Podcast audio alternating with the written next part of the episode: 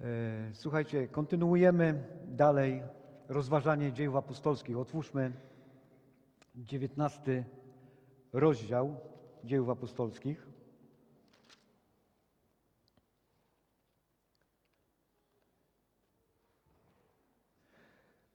Będziemy kontynuować historię misji apostoła Pawła. Kazanie dzisiejsze zatytułowałem Skutki zderzenia chrześcijaństwa z religią pogańską.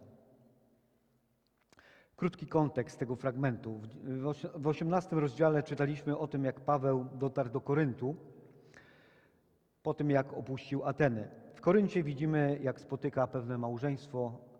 Był to Akwila i Pryscylla. Tam przebywa z nimi jakiś czas. Byli oni, jak wiemy, wytwórcami namiotów, tak jak i Paweł.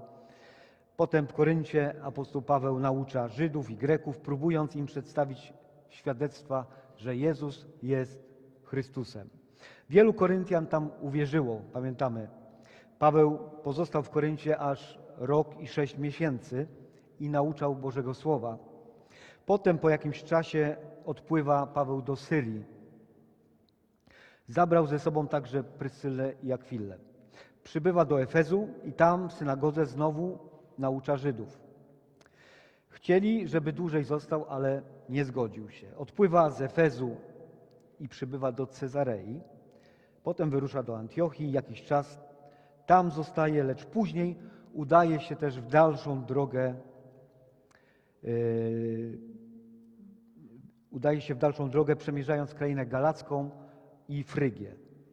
Wiemy, że robi to po to, aby utwierdzić zbory pogańskie, które tam sam założył.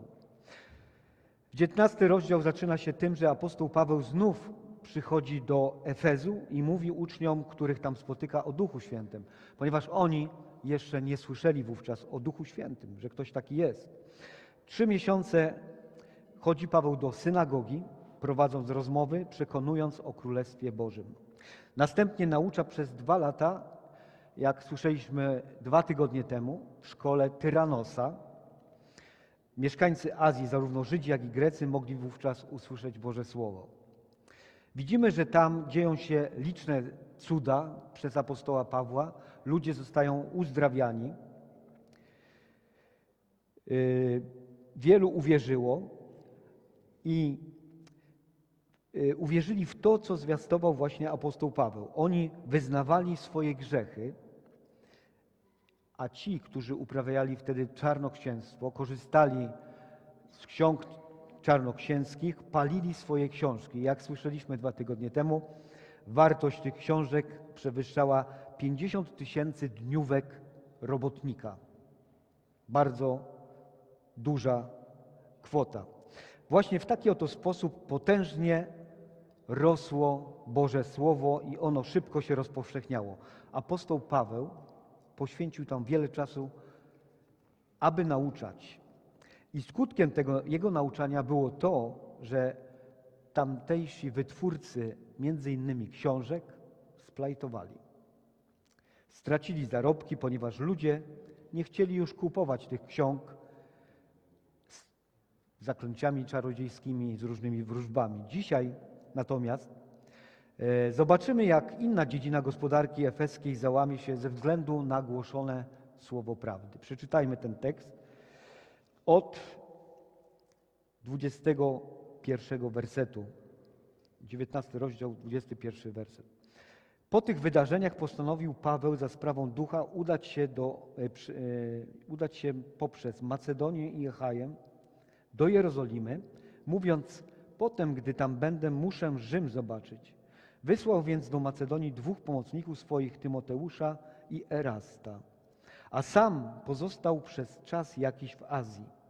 W owym czasie powstała niemała wrzawa z powodu drogi pańskiej, albowiem pewien złotnik imieniem Demetriusz, który wyrabiał srebrne świątynki Artemidy i zapewniał rzemieślnikom niemały zarobek, zebrał ich oraz robotników podobnego rzemiosła i rzekł: Mężowie, wiecie, że z tego rzemiosła mamy nasz dobrobyt.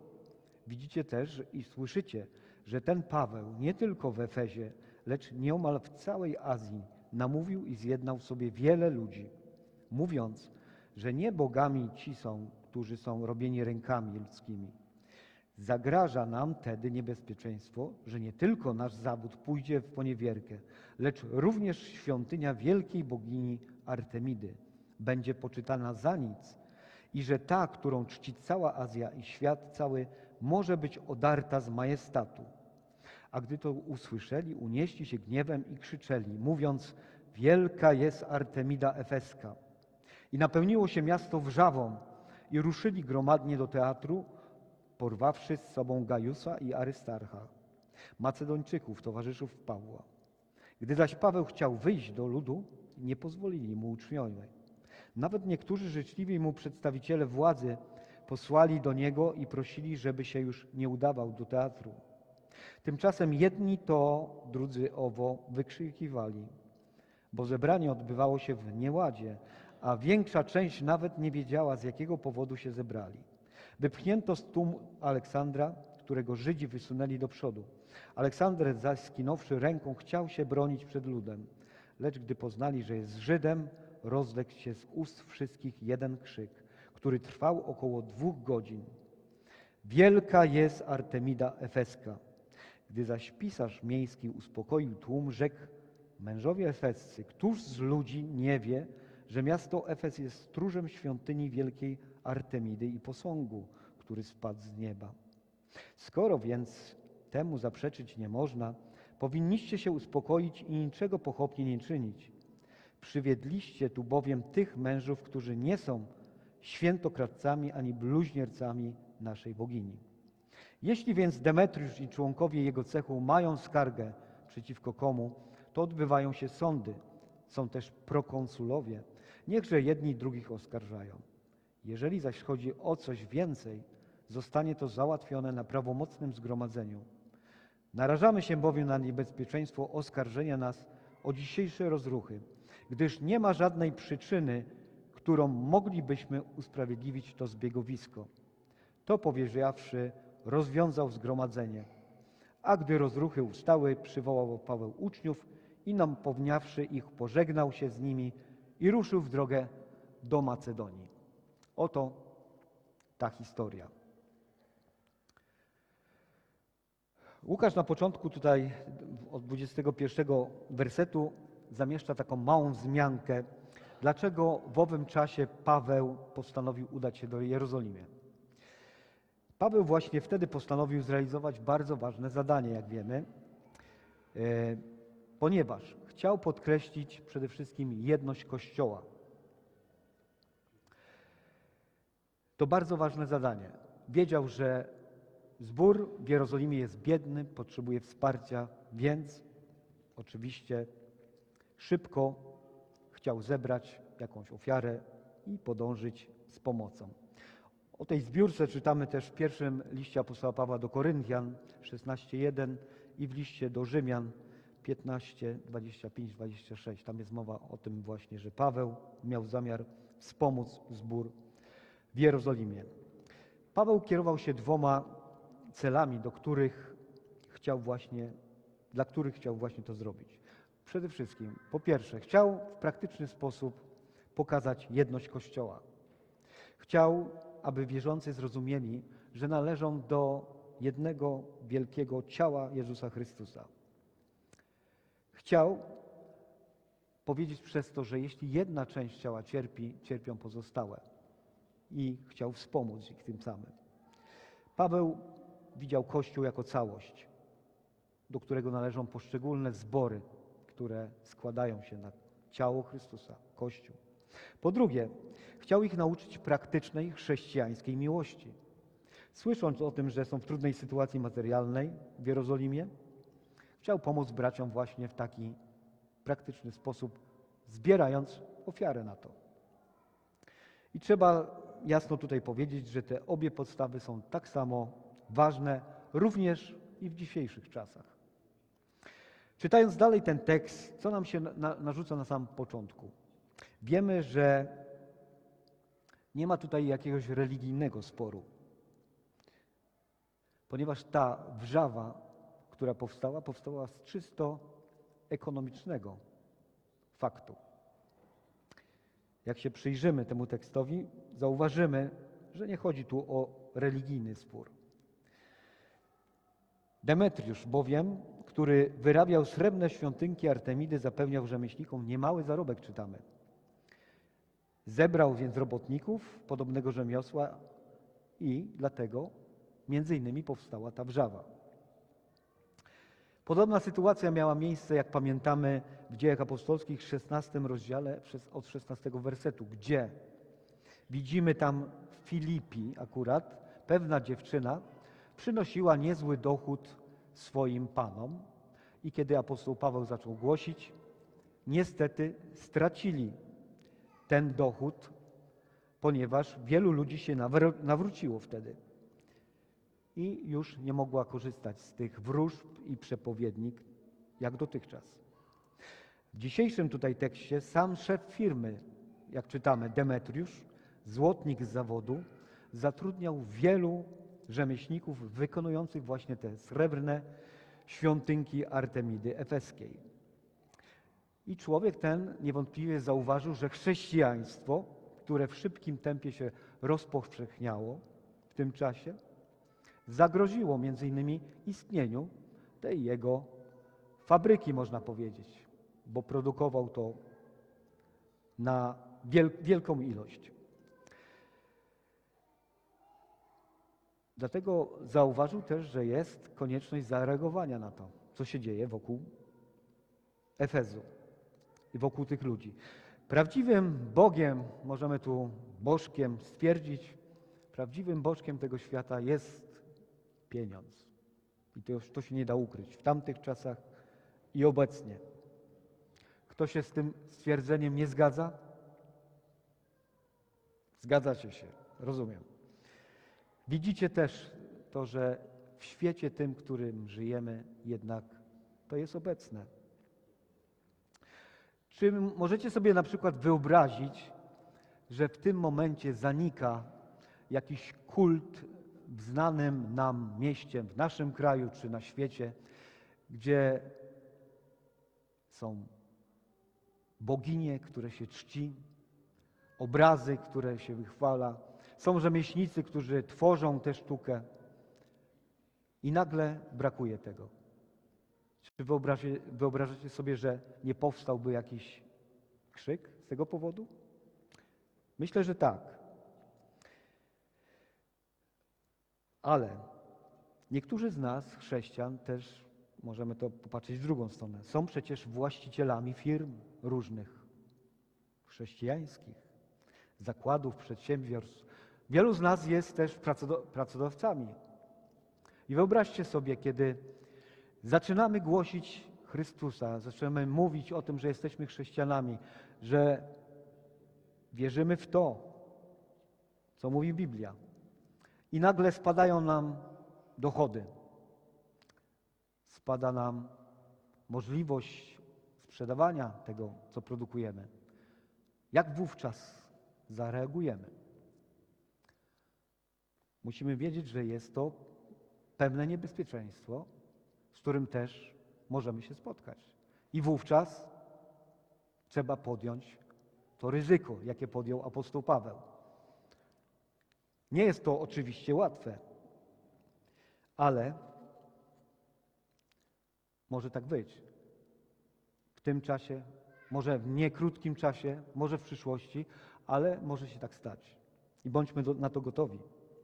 Demetriusz wiedział, że może stracić duże pieniądze za rzeczy, które wytwarzali jego robotnicy. A rzeczy te nie podobały się zapewne Bogu, bo służyły bałwochwalstwu. I co robi on? Wywołuje zamieszki w mieście. Dzisiaj widzimy, jak pieniądz też w postaci chociażby wiary w potęgę giełdy, rynku, jest panem świata. Pieniądz. A zarazem powoduje nędzę i niszczy relacje ludzkie. Bo tak jest w tym świecie.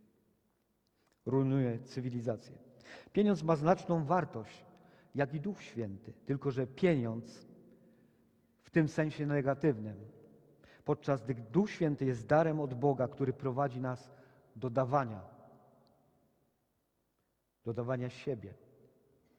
Pieniądz z kolei jest tą wartością, która prowadzi tylko do posiadania i destrukcji wszystkiego, co jest wokół. Poprzez miłość do pieniędzy podbijane są narody. Wywoływane są konflikty w świecie, aby jedni kosztem drugich mogli się bogacić, zdobywać coraz więcej. Widzimy to na przykładzie naszych wschodnich sąsiadów, którzy chcą coraz więcej zabierać terenów, ludzi. I pieniądz tutaj jest głównym elementem tej, tej działalności. Oto powstają zamieszki. Zamieszki powstają, czytamy, z powodu drogi pańskiej. To znaczy z powodu Jezusa. Też z powodu tego, co apostoł Paweł głosi. Z powodu drogi. Jezus mówi w Ewangelii Jana, ja jestem droga, prawda i życie. Te właśnie zamieszki powstają w tym czasie, krótkim czasie po tym, jak są palone te księgi czarodziejskie. Jak w Efezie już się rozprzestrzenia Ewangelia. Tutaj Łukasz użył pewnej hiperboli, mówiąc, cała Azja usłyszała. W tej sytuacji wiadomo, że chodzi o Efes i okoliczne miasta nadmorskie znajdujące się w tym sąsiedztwie. Widzimy, że pogaństwo, które posiadało wówczas ośrodek kultu, którym niewątpliwie był Efes i świątynię Artemidy Efeskiej, miejsce pielgrzymowania wielu ludzi, właśnie gdzie znajdowała się ta świątynia. Tak na, na marginesie ta świątynia była jedną z cudów starożytnego świata ogłoszoną. I tutaj widzimy niebezpieczeństwo, że ten interes nagle może upaść. Nagle może się wszystko skończyć. Ze względu na to, że ludzie nie chcą już parać się bałwochwalstwem.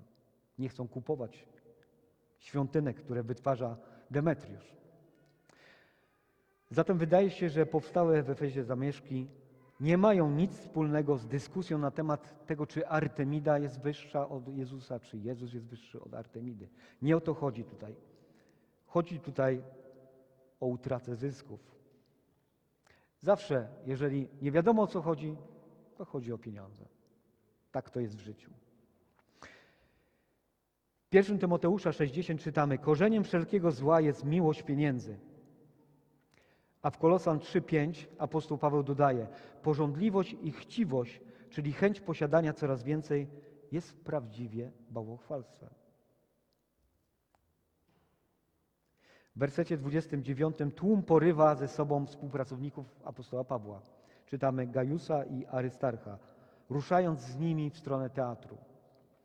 Teatr ówczesny to było miejsce, oczywiście nie wewnątrz, ale na zewnątrz, na powietrzu, gdzie mogło kilka tysięcy ludzi nawet zebrać się w tej sprawie. Przy tym chaosie, jaki panuje, wypychają naprzód jakiegoś człowieka o imieniu Aleksander. Prawdopodobnie mógł być to być, mógł być to być chrześcijanin lub też członek wspólnoty żydowskiej, synagogi. Kiedy usłyszeli, że to Żyd, no to zaczęli krzyczeć: Wielka jest Artemida Efeska, czytamy. I tak krzyczą i krzyczą, trwa to dwie godziny. Wyobrażacie sobie dwie godziny krzyczeć? Jakbyśmy tu stali i zaczęli krzyczeć: Wielki jest Jezus! Dwie godziny. Dacie radę? Nie wiem, czy byście dali radę. Tamci też pewnie ochrypli, podejrzewam. Zaschło im w gardłach. Może krzyczeliby jeszcze, ale przerywa im miejski kronikarz, czytamy. Pisarz, który znalazł się tam, w tym miejscu, przerywa ten wielki krzyk. Uspokaja ich, mówiąc: Mężowie efescy, któż z ludzi nie wie, że miasto Efes jest stróżem świątyni wielkiej Artemidy? Przecież wy wiecie wszyscy, że tak jest. I posągu, który spadł z nieba. Przecież wszyscy wiedzą i to oczywiste, że nie można temu zaprzeczyć. Trzeba uspokoić się, nie robić wrzawy, nic pochopnego, spokój. Do tego ich zachęcił. Właśnie w taki podstępny trochę sposób. Ponieważ mówi, no tak, przecież to jest oczywiste. Artemida jest wielka, wiemy o tym. A po co to zrobił, jak myślicie? Ten oto pisarz, kronikarz, e, zapewne coś w rodzaju być może burmistrza obecnego, troszczył się o to, żeby nie było wrzawy tam, bo zapewne władze rzymskie by go za to ukarały. Więc w jego interesie było to, żeby spokój panował, żeby nie było rozruchów. I mówi, jeśli chodzi o coś więcej, to powinno być załatwione pra- prawomocnie, tak jak to powinno być. Musimy wiedzieć, że Rzymianie w tamtym czasie tolerowali różne kulty i różne religie, ale jeśli był zakłócany spokój i porządek publiczny, wtedy nie mieli litości. Był to tak zwany Pax Romana, gdzie ludy podbite musiały zachowywać się spokojnie, utrzymywać stan pokoju. Zatem to zgromadzenie, które miało miejsce w teatrze, ryzykowało poniesieniem jakichś kosztów i surowych konsekwencji. W wersecie 40 czytamy, że narażamy się bowiem na niebezpieczeństwo oskarżania nas o dzisiejsze rozruchy, czytamy. Gdyż nie ma żadnej przyczyny, przyczyny którą moglibyśmy usprawiedliwić to zbiegowisko. I przez te, tymi słowami rozwiązuje to całe zbiegowisko. Trzeba dodać, że mowa w wersecie 35, że pisarz, inaczej można by go nazwać kanclerzem też, mm, różni interpretatorzy tekstu biblijnego mówią, że to był pisarz lub kanclerz, który był wybierany przez miasto i cieszył się wielkim poparciem tamtejszego ludu. On obserwował, co się dzieje wokół. To, co robił, jak mówiłem wcześniej, to robił to oczywiście było związane z jego osobistym interesem. Sam nie chciał narazić się na, na to, żeby władza Rzymu mu coś tam pokazała. Trzeba dodać, iż chrześcijanie nie byli tymi też, którzy bluźnili tak zwanym bogom w cudzysłowie, nie profanowali ich, ale stwierdzali jasno, że pos- posągi, które są czynione, nie są Bogiem. Z tych wszystkich występujących w tym fragmencie osób widzimy, że tylko chrześcijanie i sam apostoł Paweł, nie patrząc na własne interesy i konsekwencje, jakie mogły ich spotkać, głoszą Jezusa, nie patrząc na niebezpieczeństwo. Są pewni swoich przekonań, tego co robią, bo wiedzą, komu służą. Nie boją się podpaść władzy. W tym fragmencie Łukasz używa tego obrazu w sytuacji, aby uwypuklić przede wszystkim pozytywną rolę tej wspólnoty chrześcijańskiej, jaka była w Efezie. Braci, którzy się tam zebrali. Ponieważ kiedy poganie swoimi rękami produkują miniaturki świątyni Artemidy Efeskiej, dla wzbogacenia się oczywiście. Paweł własnymi rękoma darmo uzdrawia ludzi. Tutaj należałoby przytoczyć fragment z Pisma Świętego: Darmo dostaliście, darmo dawajcie. Widzimy, że ówczesne chrześcijaństwo, czyniąc dobro, nie próbuje się wiązać z żadną władzą polityczną. Daje nam to pewną wskazówkę do tego, aby nie stać się w żadnym wypadku poplecznikami jakiejkolwiek władzy świeckiej, politycznej. Twardo stać na gruncie Ewangelii i zdecydowanie przeciwstawiać się wszystkim przejawom bałwochwalstwa. Bez względu czasami na stratę. Możemy stracić wiele, ale bądźmy tymi, którzy służą Ewangelii, a nie własnym kieszeniom. Nauka, jaka płynie również z tego fragmentu, to to, że pieniądz nie jest zły sam w sobie. Rzeczy nie są złe same z siebie. Złe jest ich posiadanie i czynienie z nich bożka. Kiedy czynimy z pieniędzy, z rzeczy, które posiadamy, bożka, to jest źle. Prawdziwy problem tkwi w miłości pieniędzy i oddawaniu im kultu.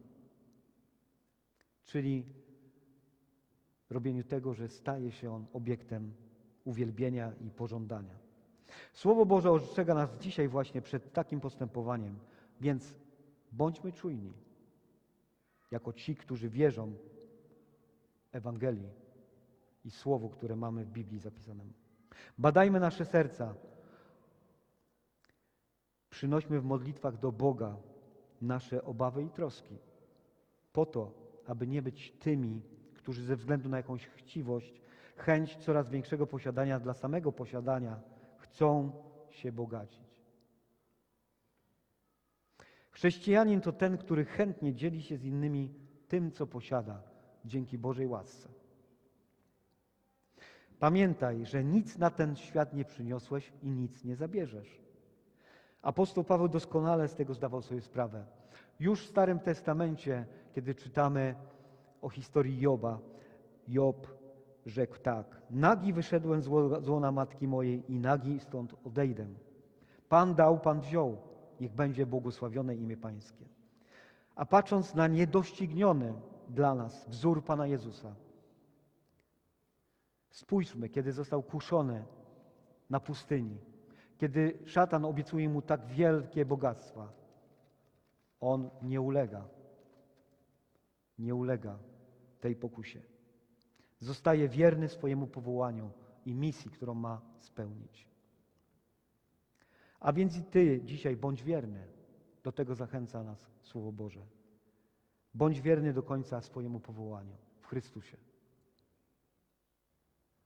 I niech Chrystus będzie przykładem dla każdego z nas. Dzisiaj i po wie- po wieczne czasy. Amen.